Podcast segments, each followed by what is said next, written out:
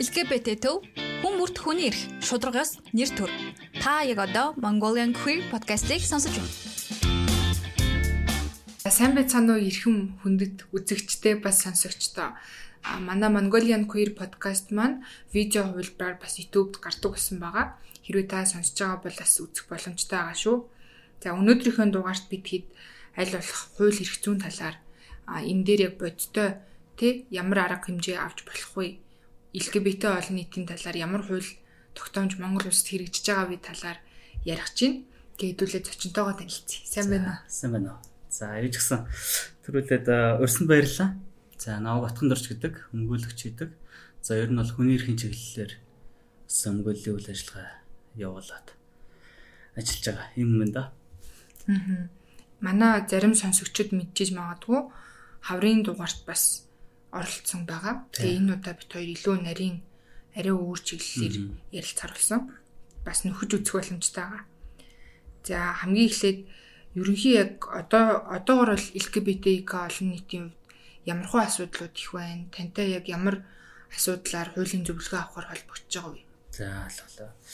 За яг эхлээд яг яриагаа хүмүүст илүү ойлгомжтой байхын тулд бас нөгөө олон нийт гэж ямар хүмүүс хэлээд байгаа вэ? Зарим хүмүүс маань бас ойлгохгүй байж магадгүй. LGBT олон нийт гэдэг ерөнхийдөө олон нийт гэж нэрлэж байгаа хүмүүс маань энэ LGBT хүмүүсийг бол нэрлээд яриад юм заншчихсан үг байдаг. За а тулгамдж байгаа асуудал ерөнхийдөө хууль зүйн зөвлөгөө авъя, өмгөөллийн үйлчлэгээ авъя гэдээ бол бас нэлээдгүй хүмүүс бол ханддаг. За энэ дээр мэдээж яг өөрийнх нь нөхцөл байдалтай холбогдуулаад хувийн нууцыг нь задруулахаар занл хийлдэх ч юм уу эсвэл биет нь халдах, амьсганд нь халдах ийм асуудлууд занл хийл сүрдүүлгүүд ирээд байна. Энэ тохиолдолд яах вэ? Ямар арга хэмжээ авах вэ? гэдэг э, төрлөөр ерөнхийдөө яг энэ ялгуурлан гадуурхсан чиглэлтэй холбогдолтой хүмүүс бол нэлийн ханддаг. Тэгээд тухай бүрт нас холбогдох зөвлөгөөг нөгөө зарим хүмүүс нь бол ном журмаа дагуул шүүх цагдаагаараа явна. Зарим нь бол а ер нь явахгүй ийм л төсөл байдалтай байдаг та. Өндөө тэр яг явахгүй байгаа хүмүүст нь бас нийтлэг ямар хуу за зүйл хийх юм бэл. За тийм энэ асуудал маань ерөнхийдөө LGBT хүмүүс дийлэнхтэй ямар төрлийн гэмтрийг хохирогч болж ийнэ гэхээр тухайн хүний хувийн нууцтай холбогдсон асуудал. Юу гэдэг нь чиний ажил өссөн гэдэг асуудлыг чинь ажлынханд ч хийлээ шүү, гэр бүлийнхэнд ч хийлээ шүү, сошиалор бусд зарлаа шүү гэдэг юм уу. Хувийнхаа нууцтай холбогдсон асуудлуудаар ерөнхийдөө тийм санал хэлсэн ялгуурлан гадуурхсан чиглэлтэй гэмт хэрэгүүд үйлдэгдээд байгаа. Энийг нь тухайн гэмт хэрэг үйлцэн этгээдэд нь хуулийн хариуцлага хүлээлгэх яа цагдаад нь гомдол гаргая шүүхээр явъя гэхэд хохирсон хүмүүс маань эннээсээ л үр дагавар үүсээд миний хувийн нууц алдагдчих үү гэдгээс маш их айдаг. Тэгээд тэрийг цагдаад хэлэх юм бол би чамайг олон нийтийн сүлжээгээр зарлана гэд нөгөө гэмт хэрэг үйлцэн этгээд нь сүрдүүлдэг. Эннээсээ шалтгаалаад за энэ хүнд юу гэдэг нь торгуул ч юм уу ямар нэгэн ял өглөө гэд миний хувинаас задарчхад тэрнээсээ л охирол би амсах нэ гэж айгаад ерөнхийдөө цагтаад мэдэгддэггүй гэсэн. Тэгээд тийм болохоор ингээд гимт хэрэг нуун далтлагдчихээн, далд үлдэгдчихээн. Тэгээд энэ гимт хэрэг үлдэж байгаа хүмүүс маань аа юу гэдэг намайг цагтаад хилдэггүй юм чинь гэсэн байр суурьтай болоод цаашлаад бас бусад хүмүүсийг сүрдүүлсэн алхах. Тиймэрхүү асуудлууд их үүсдэг. Ер нь бол хувийн нууцаа хадгалах зорилгоор төрийн байгууллага цагдаад хандахгүй байна. Энэ нь өөрөө бас нэг талаараа төрийн байгууллага цагдаад итгэх итгэл маань өөрөө солоог хэл харуулж байгаа юм л да. Тиймэрхүү. За нөгөө талд нь болохоор зарим хүмүүс сая шүүхээр явж гин гэж хэллээ шүү дээ тий. Тэр хүмүүсийн бас онцлог нь юу вэ? Тэгээ яг одоо хууль тогтоомжийн дагуу ингээ явхаар ямар үр дүндээс хүрдэм бэ? Хэрвээ яг ингээд одоо нэлийн бас төвчээс хэлдэг шүү дээ тий. За Монгол Улсын эрүүгийн хууль гэж байгаа 2015 онд батлагдаад 2017 оны 7 сарын 1-ээс хэрэгжсэн ийм хууль байгаа. За энэ хууль маань э, хүний эрхийг хангах чиглэлд бол нэлээд том агц авчирсан гэж ерөнхийдөө дүгнэдэг. За энэ дээр ялангуяа LGBT хүмүүстэй холбогдсон ямар заалт оруулж ирсэн бэ гэхээр а бэлгийн болон хүйсийн чиг баримжаагаар ялгуурлан гадуурхах юм бол эн чинь өөрөө гэмт хэрэг болно шүү. Ялгуурлан гадуурхах гэмт хэрэг. За бусад а гимт хэргийн төрлүүд дээр бэлхэн болон хүйсийн чиг баримжаагаар ялгуурлан гадуурхаж хүний биед гимт лавчруулах юм алах юм бол энэ нь өөрөө хүндрүүлс нөхцөл байдал болно шүү гэж заагаад өгчихсөн. Тэгэхээр энэ нь өөрөө бол нэлийн бас авууштай ийм хуулийн зохицуултууд болсон байгаа юм. За яг энэ хуулийн дагуу өнөөдөр гомдол гаргаад бол явж болно. За ялгуурлан гадуурх буюу эрүүл 14-ийн 1 гэдэг заалт байдаг. За энэ маань яг шүүхээр цагдаагаар хэр яваад хэр шийдэгдэж байна гэдэг өнөөгийн нөхцөл байдлыг харах юм бол хууль маань хэрэгжээд нэг 4 жил орчим болж байхад за яг бодит дээр бол нэг л кейс гараад шүүхээр шийдэгдсэн. За энэ маань өөрөө бас яг энэ төрлийн гинт хэрэгт мөрдөн шалгах ажиллагаа явуулж байгаа байдал, гомдол гаргаж байгаа байдал нь бас төдийлөн хангалттай биш маш цөөн байгаагийн нэг илрэл.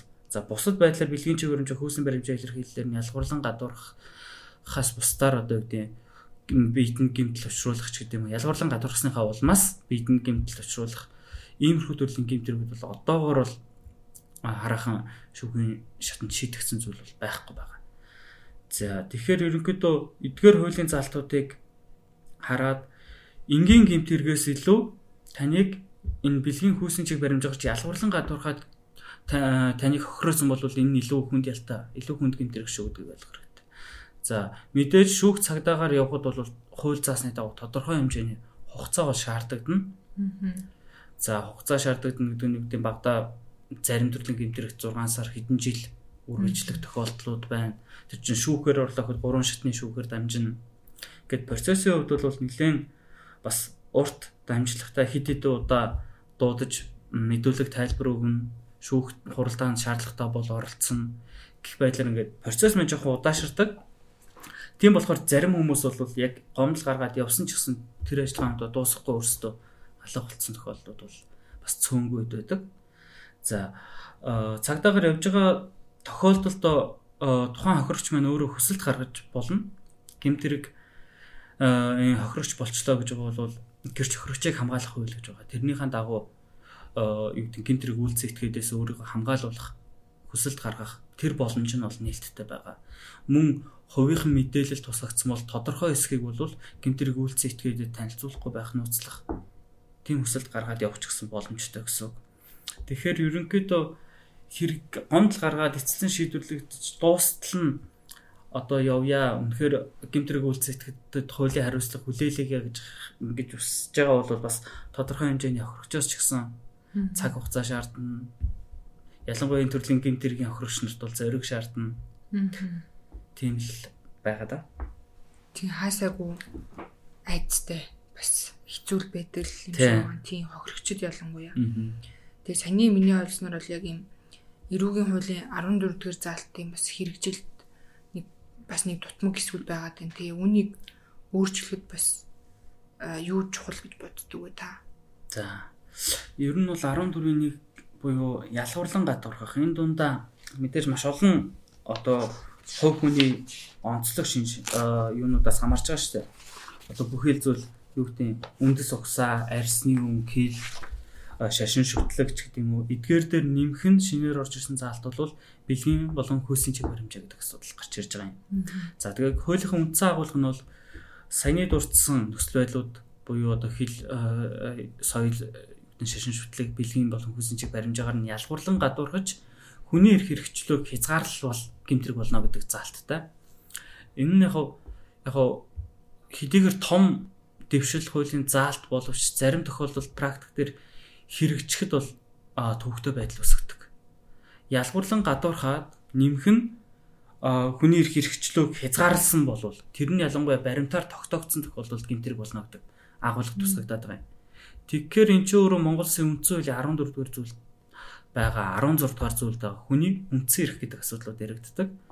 Өөрөө 14 дугаар үндсэн хууль зааснаар 14 дугаар зүйл зааснаар ялгуурлан гадуурхах гадуурхалтаас ангид байх эрх нь хүний үндсэн эрх байдаг. Тэгэхээр энэ хуулийг хэрэгжлэх агуулга нь юу вэ гэхээр угтаа ялгуурлан гадуурхагдаал бол тухайн хүний үндсэн эрх зөрчигдсөн гэж үзээд гэмтэргийн уг нь бүрэлдэхүүн хангагдах хэрэгтэй.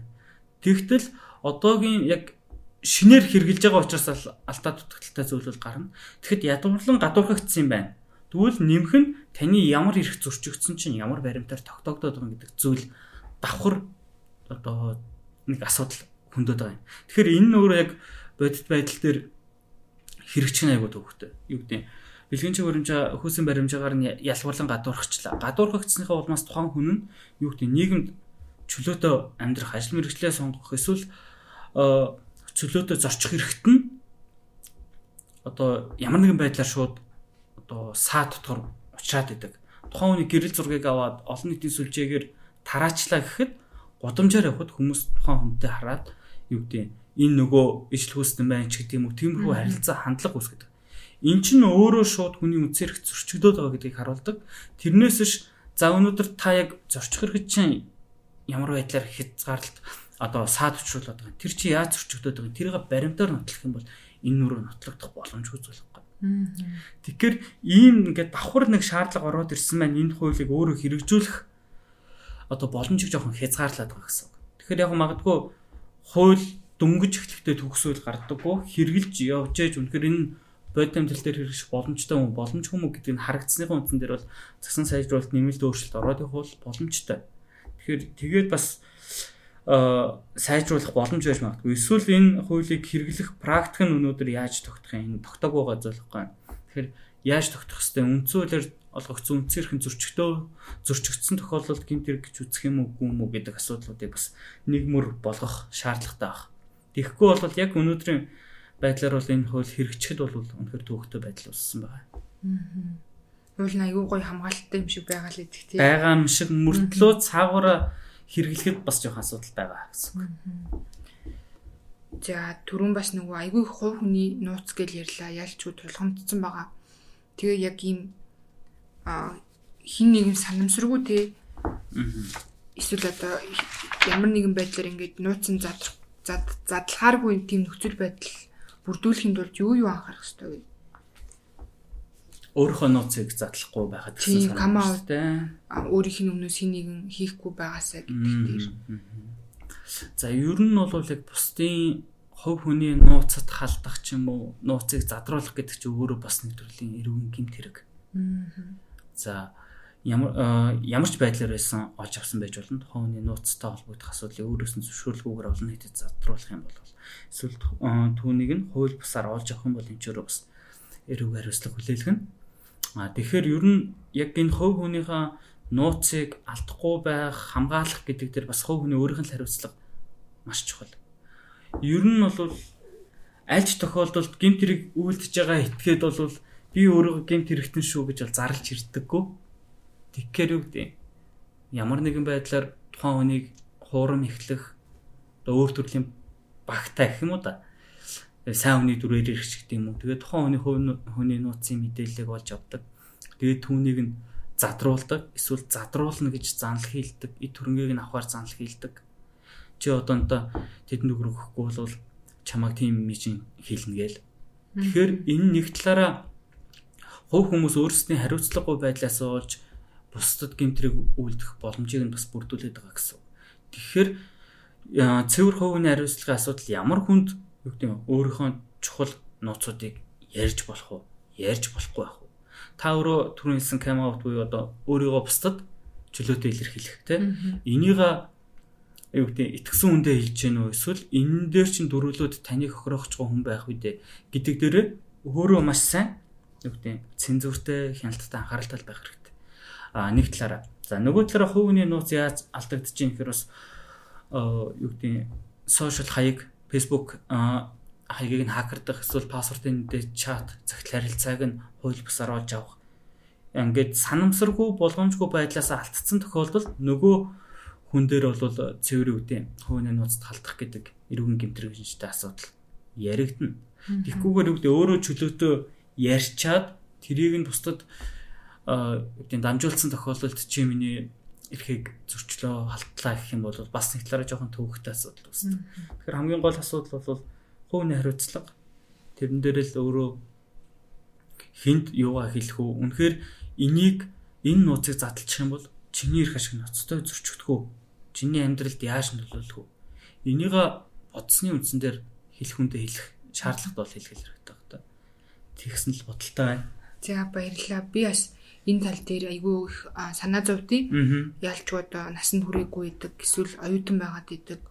Энэ тиймээс одоо ямар нэгэн байдлаар санхүүгийн хувьд бие даасан болоогүй байхад ингээд кам аут хийгдээд ээж аав нь сургууль нь мэдээд хэцүү байдалд ордог кейс бас их болдог.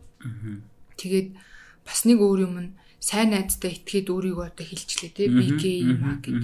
Тэгтэл тэр найз нь бас одоо цаана ямар хор уршигтай ямар эртэлтэй байдгийг сайн ухамсарлаагүйгээс болоод бусад хүмүүст хэлждэг. Өө манай найз гээ юм бэлээ би сайн мэдлээ гэд. Тэгэнгუთ юу гэдгийг цаад цаад хүмүүс нь бас л одоо ихэнх хүмүүс бол цаана ямар хор уршигтай мэддггүй улмаас сургууль даяар тархах багш нь мэдээд ээж авд нь хэлэх эсвэл хамаатны хүн нь хажууд нь байждаг ч юм уу амар эн тэндгүй эртэл их байдаг. Тэгэхээр хэрвээ энэ дугаарыг сонсож байгаа бол хин нэг нэг LGBTQ гэдгийг мэдлээгээд цааш нь хүнд ярьж болно гэж битээ ойлгоорой. Өөрөөс нь заавал асууж агаад хэлэх хүн асуух юм бол би мэдгүй чамд ямар хамаатай бэ ч юм уу тэгж асуугаад өнгөрж байгаарэ гэж бас уриалмаар байна. Тийм. Тэгээд эрсдэл ярьсны бас хоёлаа тэр ноцтой эрсдлүүдийн жоохон дурдчих тий. За тий, наад дээр ч би яг хэлье гэж бодож байлаа. Ер нь хов хүний нууцыг зөвшөөрлгүйгээр задруулж байгаа асуудал маань өөрөө маш том сөрөг эрсдлүүдийг дагуулж яадаг. За юу гэдэг нь тэр задруулсан хүн бол юу гэдэг хувийн нууцыг задруулах юм эсвэл халдах. За энэ нь болохоор юу гэдэг нууцыг ажил үүргийнхаа хүрээнд олж авсан хүмүүс гэж бас байдаг. Юу гэдэг төрийн байгууллага ажилчид мөрдөгч гэдэг юм уу. Инээс гадна энгийн одоо юу гэдэг мэдсэн хүн заавал алтан тушаалт хамаарлаггүйгээр тэр хүмүүс ч гэсэн энгийн тэрэгт бол холбогдож болно.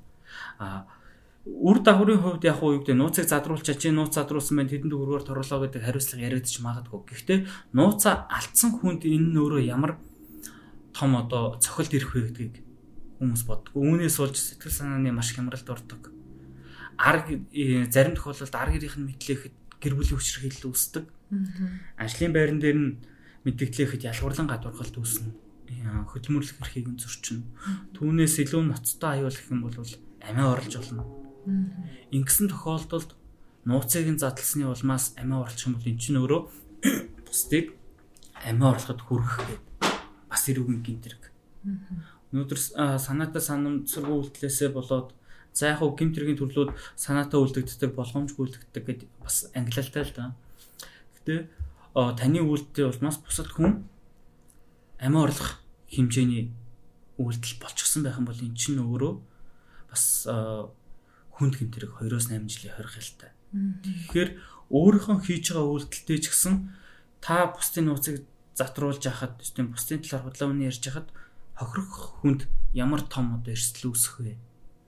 ямар эрсдэл үүснээс хамаарат та өөр бас хуулийн хүнд хариуцлага хүлээн шүү гэдэг эдгээр зүйлийг ер нь бол мэдээд авсан байхад илүүтэхгүй. Ер нь аль ч хүн зүйн анхан шатны мэдлэгтэй байхгүй болвол би юу гэдэг би тим хууль байдаг гэдгийг мдээгүй гэдэг ч юм уу эрүүгийн одоо хууль хууль тогтоомжийг мэдэхгүй байснаасаа болоод та ямар ч эрүүг хариуцлагаас бол молтрохгүй.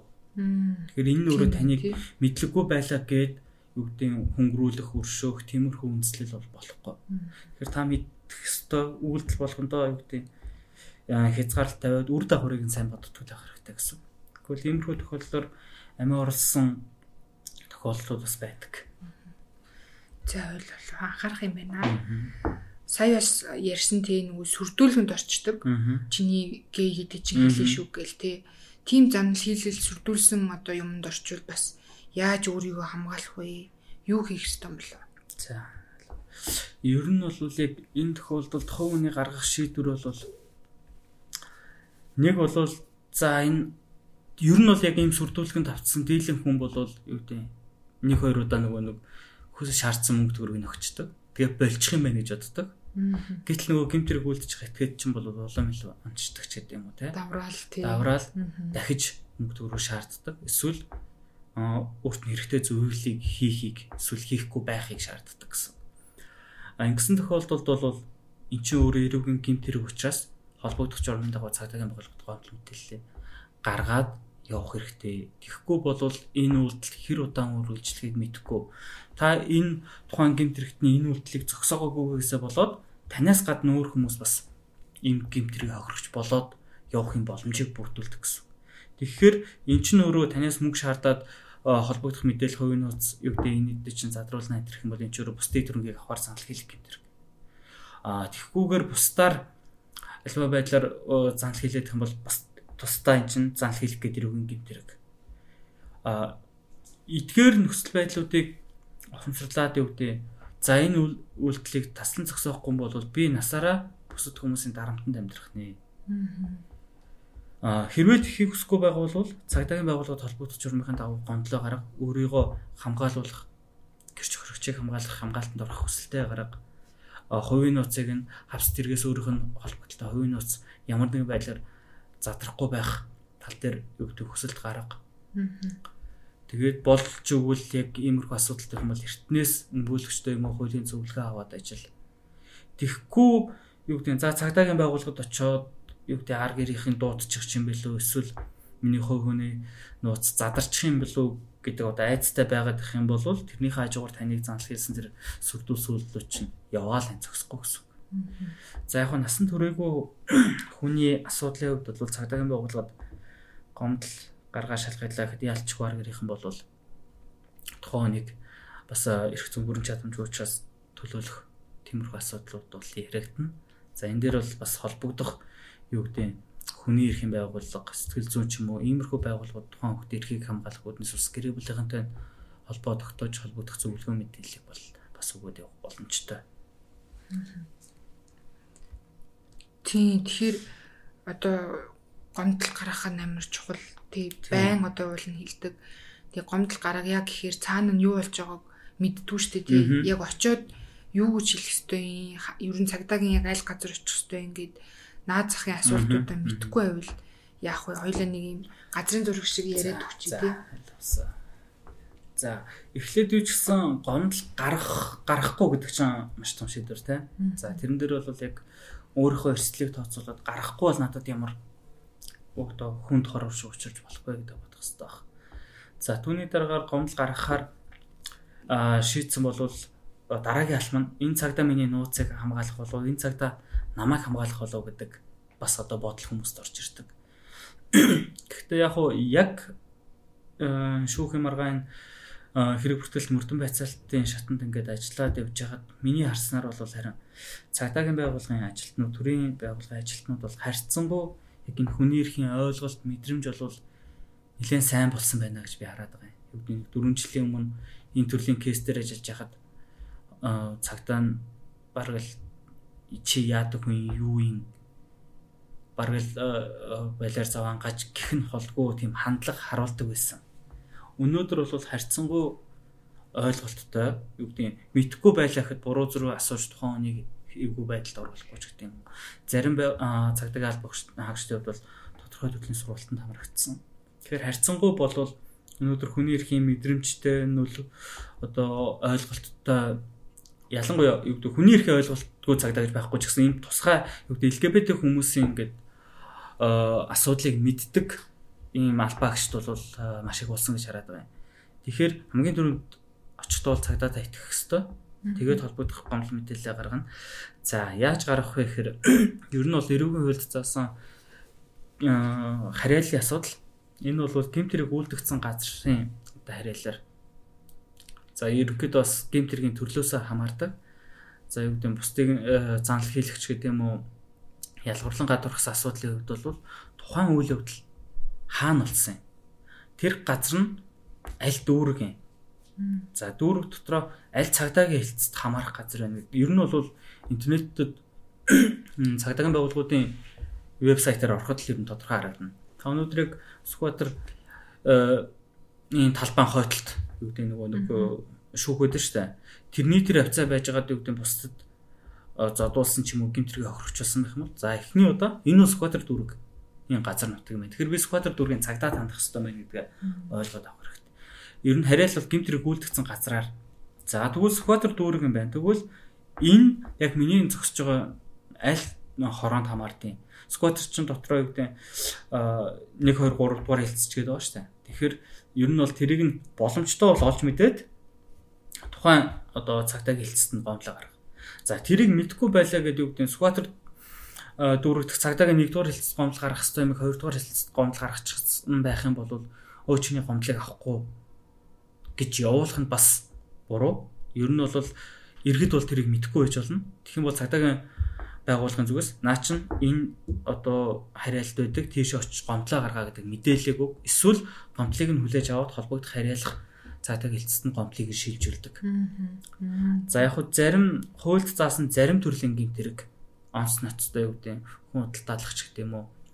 Иймэрхүү төрлийн гэмт хэрэг бол онцгой хариалал онцгой хариалж байгаа нөгөө эрүүгийн цагдаагийн алба гээд дүүргүүдэд хариалагддаг уу тийм одоо юу гэдэг цагдаа хэлцэж шалгадаг. Гэхдээ энэ болгоныг иргэд бол заавал мэдээд авах шаардлагагүй. Гимт хэрэгт холбогдлоо хамгийн өрийн цагдаагийн хэлцтэй л очиод номлоо гаргахад болно. Хариал зүг буруу байсан ч гэсэн гаргаж болно. Тэгхийн бол холбогдох хариалын цагдаагийн байгууллага шийдэл явуулна. Гомд мэдээллийг хүлээж авснаас хойш 5 хоногийн дотор цагдаагийн байгууллага аваач өглөөхөд тэрийг нь бол холбогдох мөрдөгчд хуваарлна. Прокурор томилогдно. Тэгээ 5 хоногийн дотор энэ одоо хэрэг мөн үү биш үү хэрэг үүсэх үгүй юу буюу хэрэг бүртгэлтэй хэрэг үүсэх хэсгээ цагдаагийн албаагч шийднэ энэ хоорондоо холбогдох хүмүүсээс нь бас тайлбар мэдүүлгээ аваад тэгээд хэрэг бүртгэлтэй хэрэг үүсэх юм бол тэрэн дээр чинь тусгай дугаар олгодоод прокурорын хяналтанд байнгын ороод тэгээд дуудсан цагт нь заавал очих үн зөв тайлбар мэдүүлэг өгөх үүрэгтэй болно тухайн одоо ялангуяа хохирогчийн хувьд бол бусдыг гимт хэрэг үйлцэн гэж гүтгэж болохгүй энэ өөрөө бас гимт хэрэг. Тэгэхээр үн зөв мэдүүлэг өгөх тухай хууль сануулсан одоо баримтнэр гар өсгөх зурвалдаг ч юм уу. Иймэрхүү яг хууль цаасан процесс ажиллагаанууд бол явагдана. Тэр болгоныг бас хохирогч ер нь заавал мэдээд байх шаардлага байхгүй анхан шатны эрх зүй ойлголттой байх л болно. Тэр чинь өөрөө мөрдөгч прокурор журмынхаа дагуу ажиллагаануудаа хийгээд дуудах үйдэн дуудаал ажиллагаанд явуулцдаг тийм байна. За яг хуу өмгөөлөгч авахын том ач холбогдол энэ дээр юу байдаг вэ гэхээр үгдээ зарим нэг тодорхой ажиллагааг мөрдөгч прокурор хийхгүй гэж болно. Тэрийг ямар журмаар яаж хийлэхгүй холбогдох хүсэлтүүдийг өмгөөлөгч илүү одоо хуулийн хүрээнд гаргаж өгөх боломжтой гэсэн үг. Тэгэл энэ журмынхаа дагуу явж байгаа прокурор дээр мөрдөгч хэрвээ хэрэг бүртгэлтэй хэрэг нээгээ шалгаж байгаа энэ гэмт хэрэг мөн байна эсвэл биш байна гэдэг шийдвэр гаргана. Прокурор тэрэн дээр эцсийн шийдвэрийг гаргана. За гинтрийг мөнгө жуул ялах дүнлүүлдэ шүүх рүү шилжүүлдэг ч юм уу. Иймэрхүү процессууд ерөнхийдөө явагддаг гэсэн үг. За баярлалаа. Ямартай ч айх юм байхгүй үнэл хилчэд болно тий. Одоо цагдаа харахаараа жоох айгаад идэв штэ. Би бол тий, ер нь бол яг тэгдэг. Цагдаа хараад очих гэхээр нөгөө хил амны идрээд юма ярьж чадхаа болчдөг. Гэхдээ ганц одоо юу гэдэг нэг зүйл тэтгэрэг гэдэг цагдаа хандж ийна гэдэг чинь наа цагдаа мөрдөгч чинь чиний эрхийг зөрчигдсөн үү гэдгээ тогтоох эрхийг чи хамгаалах ажил хийж байгаа юм шүү дээ ер нь бол тэгэхээр тухайн хүнд болсон процессыг үнэн зөвөөр ярих нь хамгийн чухал анхаарах ёстой зүйл нь худлаа хэлж болохгүй бусдыг хэмтрэг үйлцэн гэж бүтгэж болохгүй. Юм бол та өөрөө хариуцлагын шүү гэдгээ сайн ойлгох хэрэгтэй тийм байна. Би бас яг тэр хоёр дахын мдээгүй явж исэн байна. Тэгэхээр хэрвээ сонсогч та, үзэгч та энэ тал дээр илүү их мэдээлэл аваад эсвэл ярилцмаар бүр дэлгэрэнгүй асуумаар байвал манад хандах боломжтой. LGBT төвд хандаад их зүүн хөтөлбөрийн менежерээр дамжуулаад мэдээлэл авч болно. Одоо юу гэдэг цагдаа дээр очиос айгаад бол ядахта жоохон сэтгэл зүйн дэмжлэг авч болно. Манайх энэ дээр бас тусалдаг байгаа. Тэгээ тэрнээс гадна бас яг юу гэдэг эрх зүйн зөвлөгөө анх шатны мэдээллүүд авах юм бол хууль зүйн төлбөргүй зөвлөгөө өгдөг бас газрууд нэлээд байдаг. Хууль зүйн үндэсний хүрээлэнгээс бас уцаар тодруулаад зөвлөгөө авч болдог. Хэд хэдэн хуулийн фирмүүд ч гэсэн ерөнхийдөө сошиал пэйж фэйсбુક пэйж дээр төлбөрөө зөвлөгөө шатны зөвлөгөө өгнө гэж тавьсан байдаг. Тэгэхээр аль болох эхлээд ер нь хандахдаа ямар асуудал байна тэрнийхэн талаар эрх зүйн анх шатны зөвлөгөөгөө авчаад ер нь хандж ивэл илүү үр дүнтэй байдаг гэсэн. Аа хуулийн зөвлөгөө үнгүй авах гэл Facebook хайх юм бол зөндөл юм ирнэ тийм. Би нэг хайж үзчихсэн. За тэгэхээр маш их баярлаа. LGBT төв хүн бүрт хүний эрх шударгаас нэр төр. Та яг одоо Mongolian Queer podcast-ийг сонсож байна. Асуултууд байвал та Facebook руу, email руу, бас YouTube-ийн доор ч юм уу подкастын доор бичиж болно. Би аль болох хариу өгөөд явахыг хичээнэ. Тэгээ таны хувьд хэлэх анхааруулах юм юу вэ? За юу ч гэсэн би нөгөө нэг шинжилэн батлагдаа мөрдөгдөж байгаа нэг эрүүгийн хөлтэй холбогдсон цоодон зүйлийг тайлбарлая. Энэ маань өөрөө альва одоо эрүүгийн хууль гэмт хэрэг мөн биш гэдэг асуудал бол зөвхөн хуулиар тогтогдож байгаа. Тодорхойлогдож байгаа. За аль ч хуулинд бол шудраг гэсний зарчим гэж байдаг. Монгол сэрэг хуульд ч гэсэн нэгийн 3 дахь зүйл бол шудраг гэсний зарчим гэж байгаа. Энэ зарчим нь одоо юу гэдэг юу вэ гэхээр за юу гэдэг яг гэмт хэрэг үйлцэн этгээд хариуцлага хүлээлгэн түүнийг бусдад халдаахгүйгээс гадна ял оногдуулахдаа хэнийг ч ялгарлан гадуурхаж болохгүй. Ямар ч одоо ял оногдуулахтай гэдэг энэ баян юм чинь энэ ядуу юм чинь гэдэг хүнд ял онохгүй гэсэн.